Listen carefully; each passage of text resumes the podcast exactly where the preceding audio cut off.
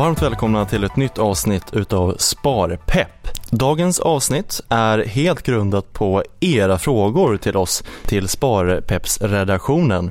För ni vill veta mer om aktier och fonder och mer praktiskt vad det faktiskt innebär. Så eh, då tog jag kontakt med eh, dagens gäst eh, som jobbar med att ta emot samtal från er kunder när ni har frågor om aktier och fonder.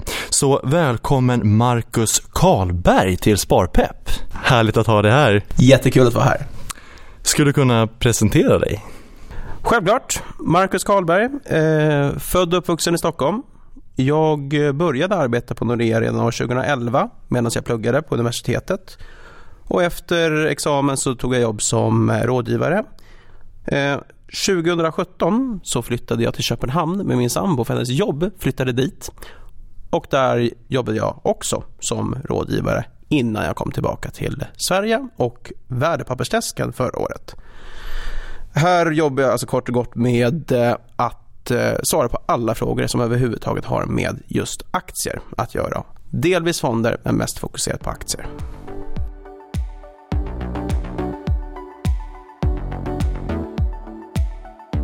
Bra, för vi har ju fått en hel del frågor från er eh, lyssnare som ni har skickat in till oss i Sparpeps-redaktionen. Eh, och jag tänker att vi, vi börjar lite kort här. Eh, hur börjar man med aktier och fonder och vad behöver man? Ja, till en början behöver man ju ett eh, konto av något slag. Vilken typ av konto? Det beror lite på om man vill köpa fonder eller om man vill köpa aktier. I det stora hela så finns det tre olika typer av, eh, man pratar om beskattningsskal. Det ena är då en depå för aktier eller ett fondkonto. De beskattas då enligt vad man kan kalla de gamla reglerna innan investeringssparkonto fanns, som då är nummer två. Det är ett sätt att investera i såväl aktier som fonder och så finns det även någonting som heter kapitalförsäkring.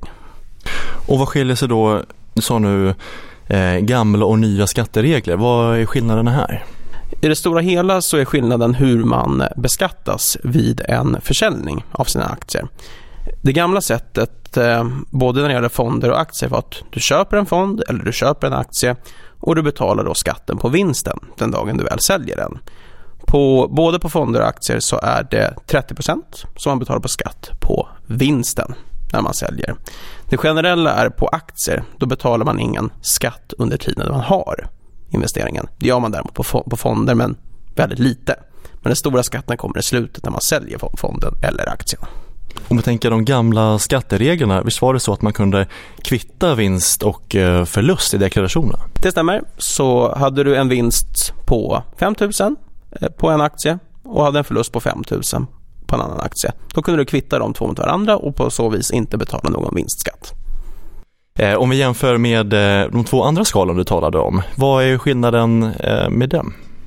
Till en början kan man säga att kapitalförsäkring och ISK, investeringssparkonton, de påminner väldigt mycket om varandra. Det är inte exakt samma typ av beskattning men den är väldigt lik. Man beskattas då årligen på innehavet. Oavsett om du gjort vinst eller förlust så betalar du en årlig skatt mot att inte betala de här 30% skatt på vinsten den dagen du väl säljer. Så med andra ord, det man sätter in i en K-försäkring eller ISK, det är skattat och klart för framtiden. Du behöver inte tänka på att betala skatt i deklarationen, en stor skatt i deklarationen eller för den delen med aktier, för där behövde man ju tidigare ange vad du köpte en aktie för. Och hade du haft en aktie i 20 år så kanske man inte har kvar den där notan hemma. Den kanske försvann i någon flytt eller så var det hunden som käkade upp den. Vad som helst kan ju ha hänt. Så man tog ju fram det lite av enkelhetsaspekt för befolkningen också. Bra, och jag tänker nu investeringssparkonto, det är ju inget riktigt sparkonto, eller hur? För namnet kan ju förvirra lite ibland. Ja, en del människor tror ju på att bara för att man sätter in någonting i ett investeringssparkonto så är det per automatik investerat. Men så är det ju inte såklart. För att I och med att vi inte har någon ränta i Sverige idag, inget spar, våra sparkonton har ju ingen ränta. Har man dem då i investeringssparkontot bara liggandes kontant så ligger de där, de växer inte och du betalar skatt när de ligger där. Därför behöver de investeras i någonting, till exempel fonder eller aktier. Och likadant med kapitalförsäkring, för där säger man försäkring. Hur, eh, varför kallar man det här för en kapitalförsäkring? Den är en försäkring för den har lite andra egenskaper än vad ett investeringssparkonto har. Investeringssparkonto, det är som ett konto som vilket som helst. En försäkring, det är att det finns ju någonting underliggande i den och det är en annan viktig skillnad mellan en K-försäkring och ett ISK som många inte tänker på. Försäkringen i en K-försäkring bygger på att, om man säger så här, i, en, i ett ISK betalar du inga fasta avgifter för att ha det, för det är statens produkt. Du betalar bara pengar när du köper en aktie och när du investerar i en fond. I ett en K-försäkring så betalar man en liten, liten summa pengar varje månad, varje år för att om du trillar av pinn, gud förbjude, eh, så betalas 101 procent av värdet ut. Alltså man får en extra procent i den här försäkringen. Därav försäkring. Du betalar en försäkringspremie. Och en kapitalförsäkring, där kan man väl också tillskriva kapital till anhöriga via förmånstagarförordnande? Inte bara anhöriga. Jag kan ju i teorin skriva bort den, de pengarna till Hammarby IF eller till min bästa vän eller till min bästa väns farmor. Jag kan välja vem jag vill, även organisationer som sagt. Så där kan man själv välja vem som ska få pengarna om, om jag trillar av pinn, det vill säga avlider. Och då ska vi tillägga att det finns fler lag man kan tillskriva kapitalet. Exakt. Bra, nu har vi talat lite om investeringssparkonto och kapitalförsäkring. Men jag tänker skattemässigt, när dras skatten? Finns det någon skillnad här vid de här två skalorna? Om vi pratar investeringssparkonto och kapitalförsäkring så är det skillnad i när skatten dras. I ett investeringssparkonto då man pratar man om något som heter schablonskatt, det vill säga en genomsnittlig skatt under året. Den dras inte ur ISK per definition utan den redovisas i din deklaration. Det är ingenting du behöver komplettera med utan den, den redovisas där och kvittas mot övriga skatter och vinster du har gjort. Kapitalförsäkring, där dras skatten direkt ur eh, K-försäkringen.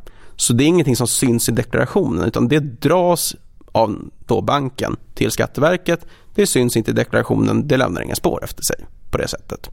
Så det ser lite olika ut. Skatten beräknas som sagt ungefär densamma men hur den betalas skiljer sig.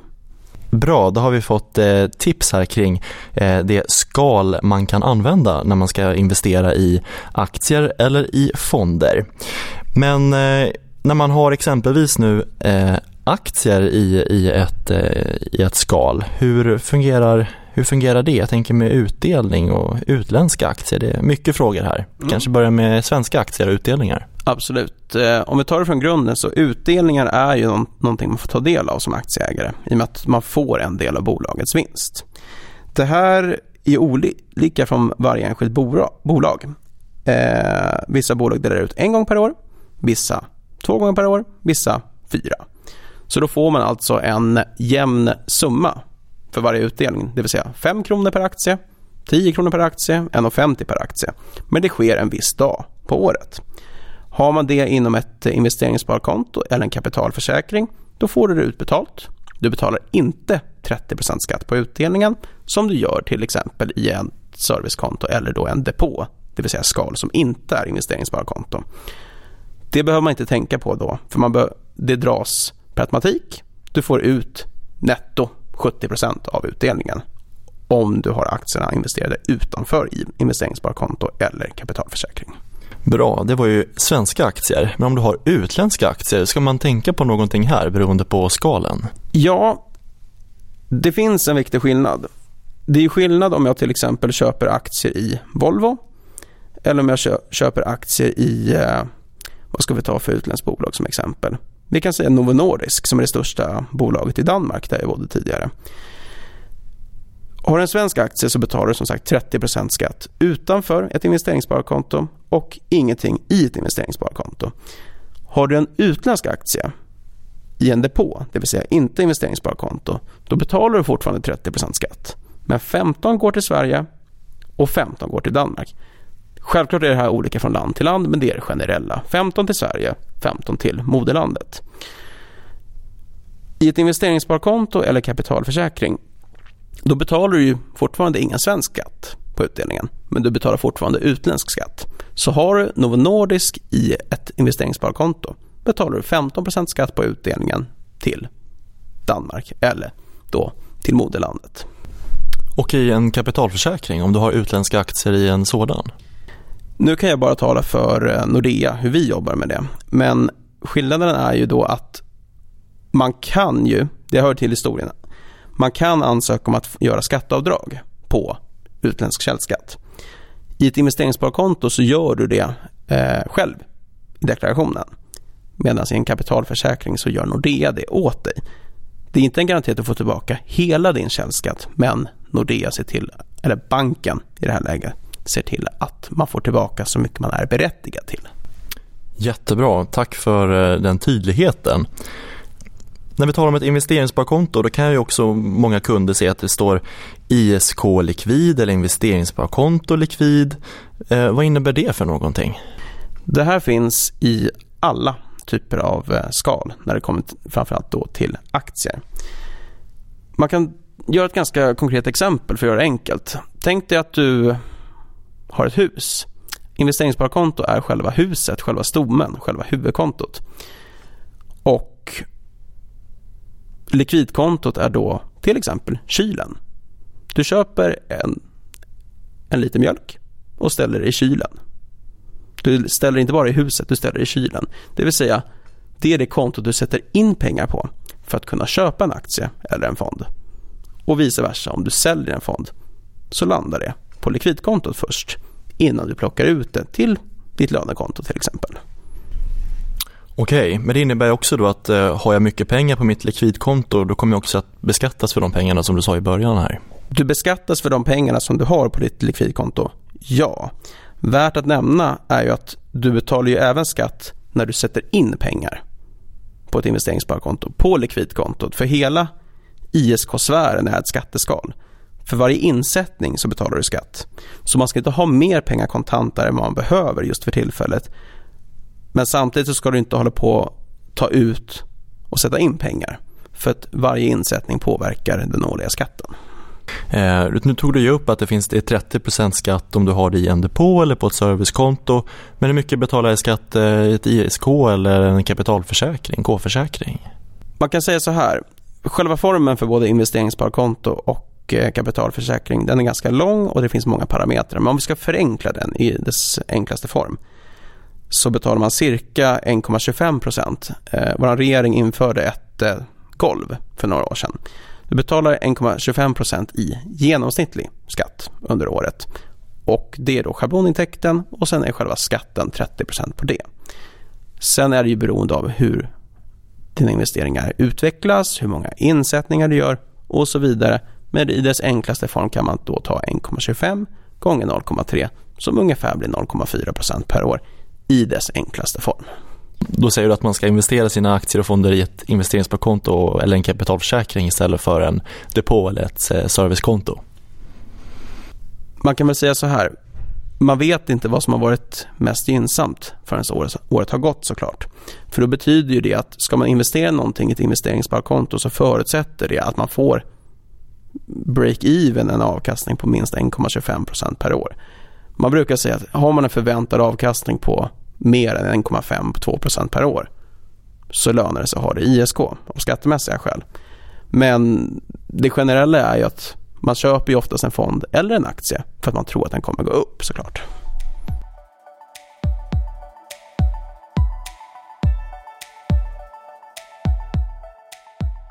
Vad ska man tänka på när man väljer aktier och vill placera det i, i ett sånt här skal? Jag tänker kring risker och, och marknader.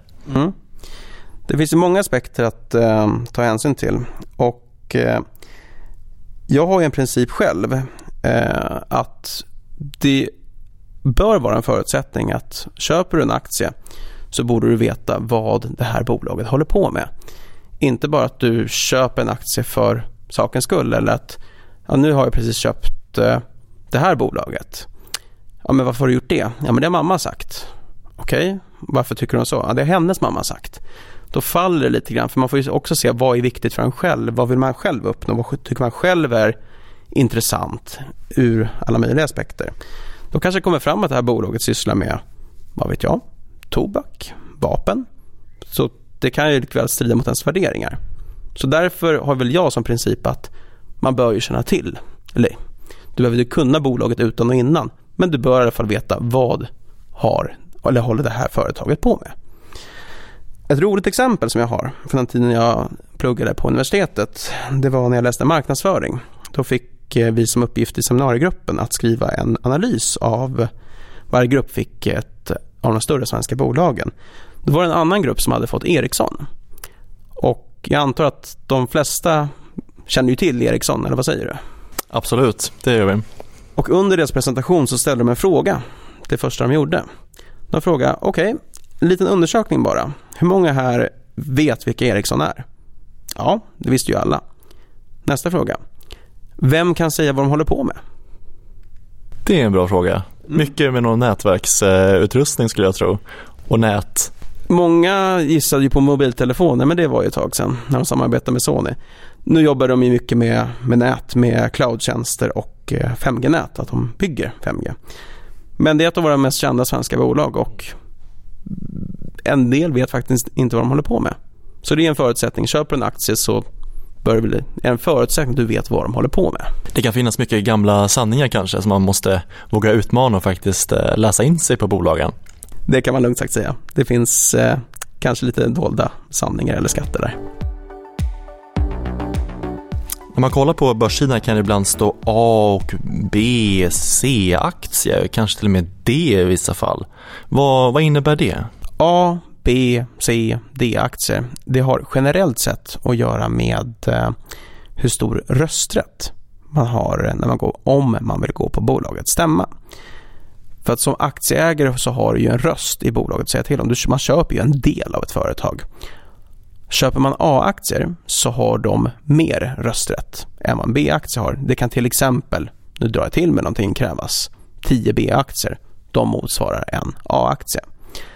Samtidigt så är generellt sett A-aktien dyrare än B-aktien. Och så finns det lite speciella aktier där man mest fokuserar på utdelningar, preferensaktier oftast. Mm. Vad innebär det? Det är en liten speciell aktie. Eh, för det första så är ju en preferensaktie har generellt sett speciella utdelningsvillkor som kan se lite olika ut. Att de till exempel har högre utdelning än då stamaktier som är de inom citattecken vanliga aktierna. Preferensaktier sticker också ut genom att eh, om ett företag skulle gå i konkurs så har preferensaktierna företräde till bolagets eh, tillgångar och kapital. Okej, och hur vet jag att jag har en preferensaktie eller en så kallad vanlig aktie? Vanlig eller stamaktie brukar man benämna som A och B-aktier. Där är skillnaden då att det ger olika rösträtt om man går på en stämma. Alla preferensaktier brukar heta någonting med preferensaktie eller preff på börsen. Så ser man någonting som heter någonting med preff så är det en preferensaktie och de är generellt sett dyrare än vad stamaktierna, AB-aktierna är. Om man nu öppnar upp en eh, aktiesida då kan det ibland stå köp och sälj och volym och senaste kurs. Vad, vad innebär det? Mm. När man ska handla en aktie eh, då finns det någonting som heter orderbok som man tittar på. Det finns köpkurser och det finns säljkurser. Där är viktigt, här är det viktigt att man håller tungan rätt i mun. Det vill säga att om du vill köpa en aktie då ska du titta på säljkurserna vad är säljarna beredda att ge? Eller vad vill de ha just nu? Då kan man titta på vad är billigaste säljare just nu? Lägger jag mig där så kan jag få igenom det här på en gång. Du kan lägga dig under det, men då kommer du inte få igenom din aktieorder på en gång. Därför tittar man på säljsidan när man vill köpa en aktie för det är en säljare du ska betala. Vice versa, om du har en aktie du vill sälja så får man titta på köpkursen. Vad vill köparna ge just nu. Du kan lägga dig ovanför köpkurserna men då får du inte iväg din aktieorder på en gång. Då får du lägga dig i eh, linje med vad högsta köpare är beredd att betala. Det är orderboken och man kallar det här för orderdjup.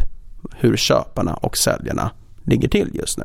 Och det är även så en aktie stiger eller sjunker i värde beroende på hur många som köper och hur många som säljer en viss aktie samtidigt. Och senaste affär, då antar jag då att det är då senaste kurs. senaste avslut, alltså senaste transaktion som gick igenom i ett visst bolag. Bra.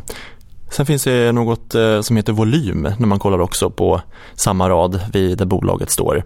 Eh, köp, sälj, senaste kurs och en volym. Och vad innebär volymen? Volymen är kortfattat hur många aktier som gick igenom senaste avslutet. Det finns ju de som köper 100 aktier, det finns de som köper 1337 aktier eller 10 000 aktier. Det är alltså i senaste avslutet, för man kan ju som person köpa ett visst antal aktier. Alla aktier kostar olika mycket. Så det hänger ihop pris och volym eller antal aktier. Och ibland kan man höra när man lyssnar på radion eller på tvn att de säger att eh, högst omsättning eh, idag hade det här bolaget. Och vad innebär det? Det innebär att det helt enkelt var flest avslut i just det bolaget. Om de säger att högst omsättning idag hade Ericsson, då hade de flest avslut under en och samma dag på börsen. När man, har, när man öppnar upp en aktiesida och kanske öppnar upp ett eh, bolag när man är inne på eh, Nordeas aktiesida då kan det stå ibland nyckeltal och P-tal och PS-tal. Är det någonting man ska, man ska kika på som investerare? Det är ju det de flesta investerare tittar på. Eh, jag kan förstå att många tycker att det här är hieroglyfer eller ren grekiska när de tittar. Det här går under någonting som kallas för ehm, fundamental analys. Kort och gott att man eh, analyserar eh, bolagets data eller bokslut, vinster och framtidsutsikter. Det går under kategorin fundamental analys.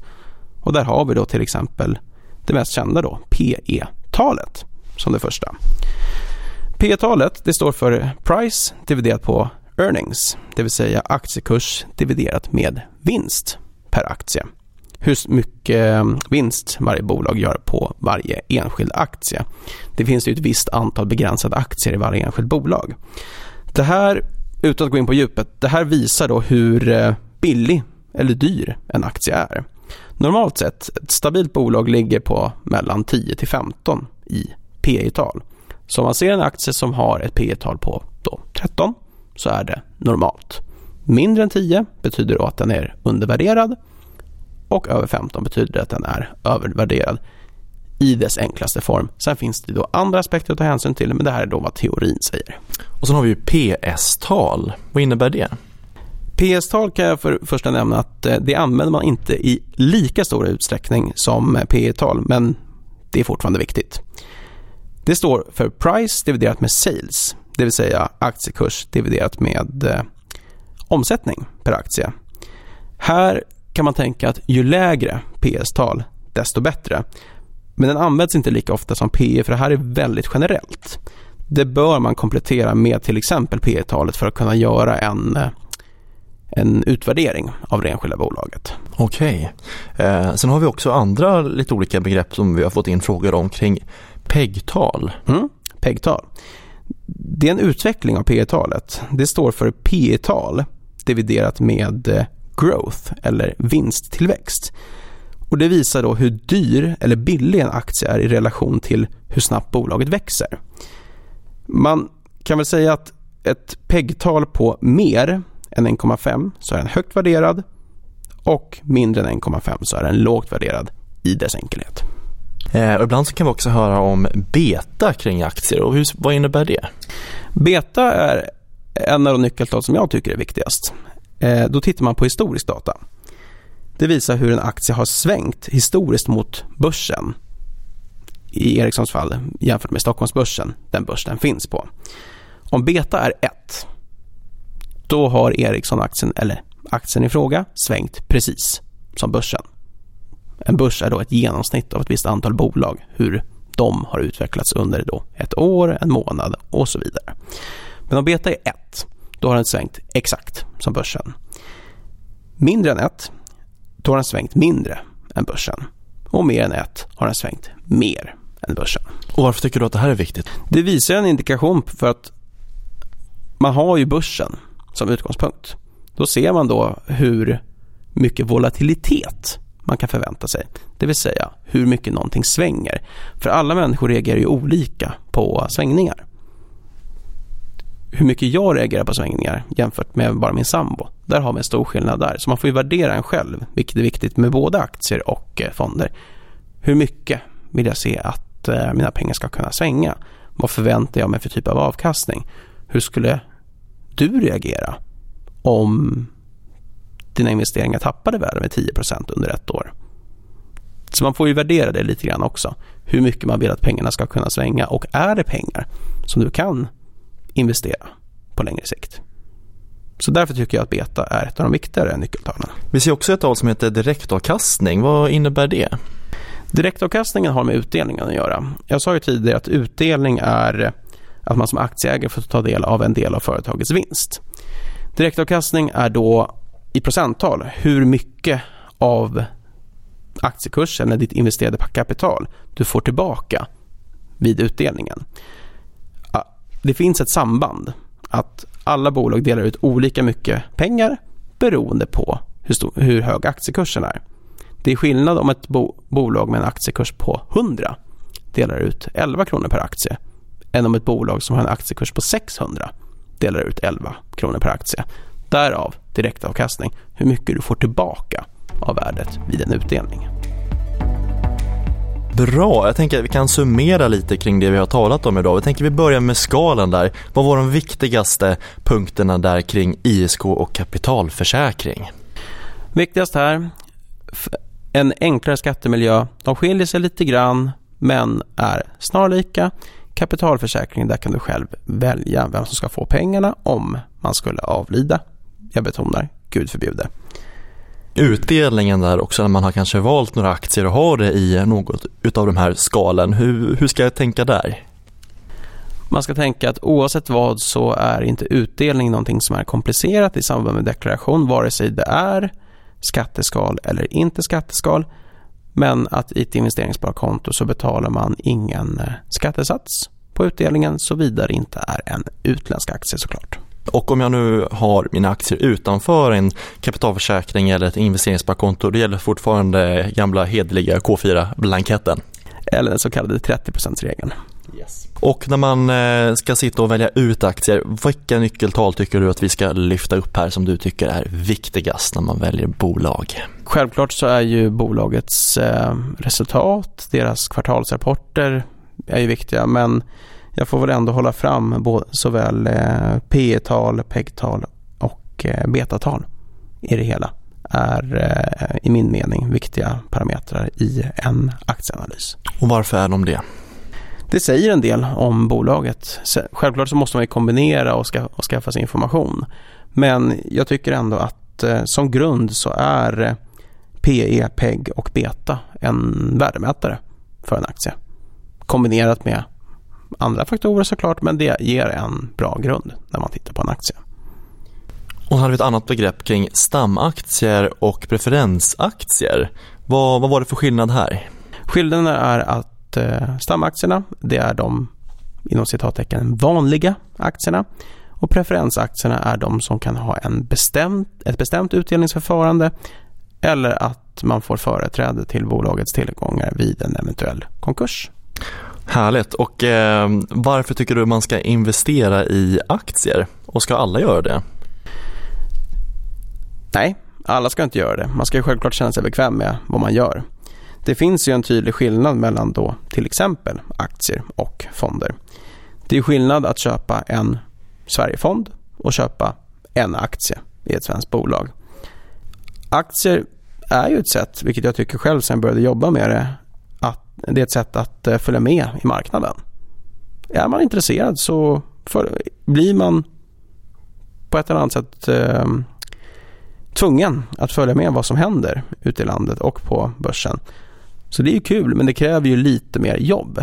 Det frågan är om man har den tiden.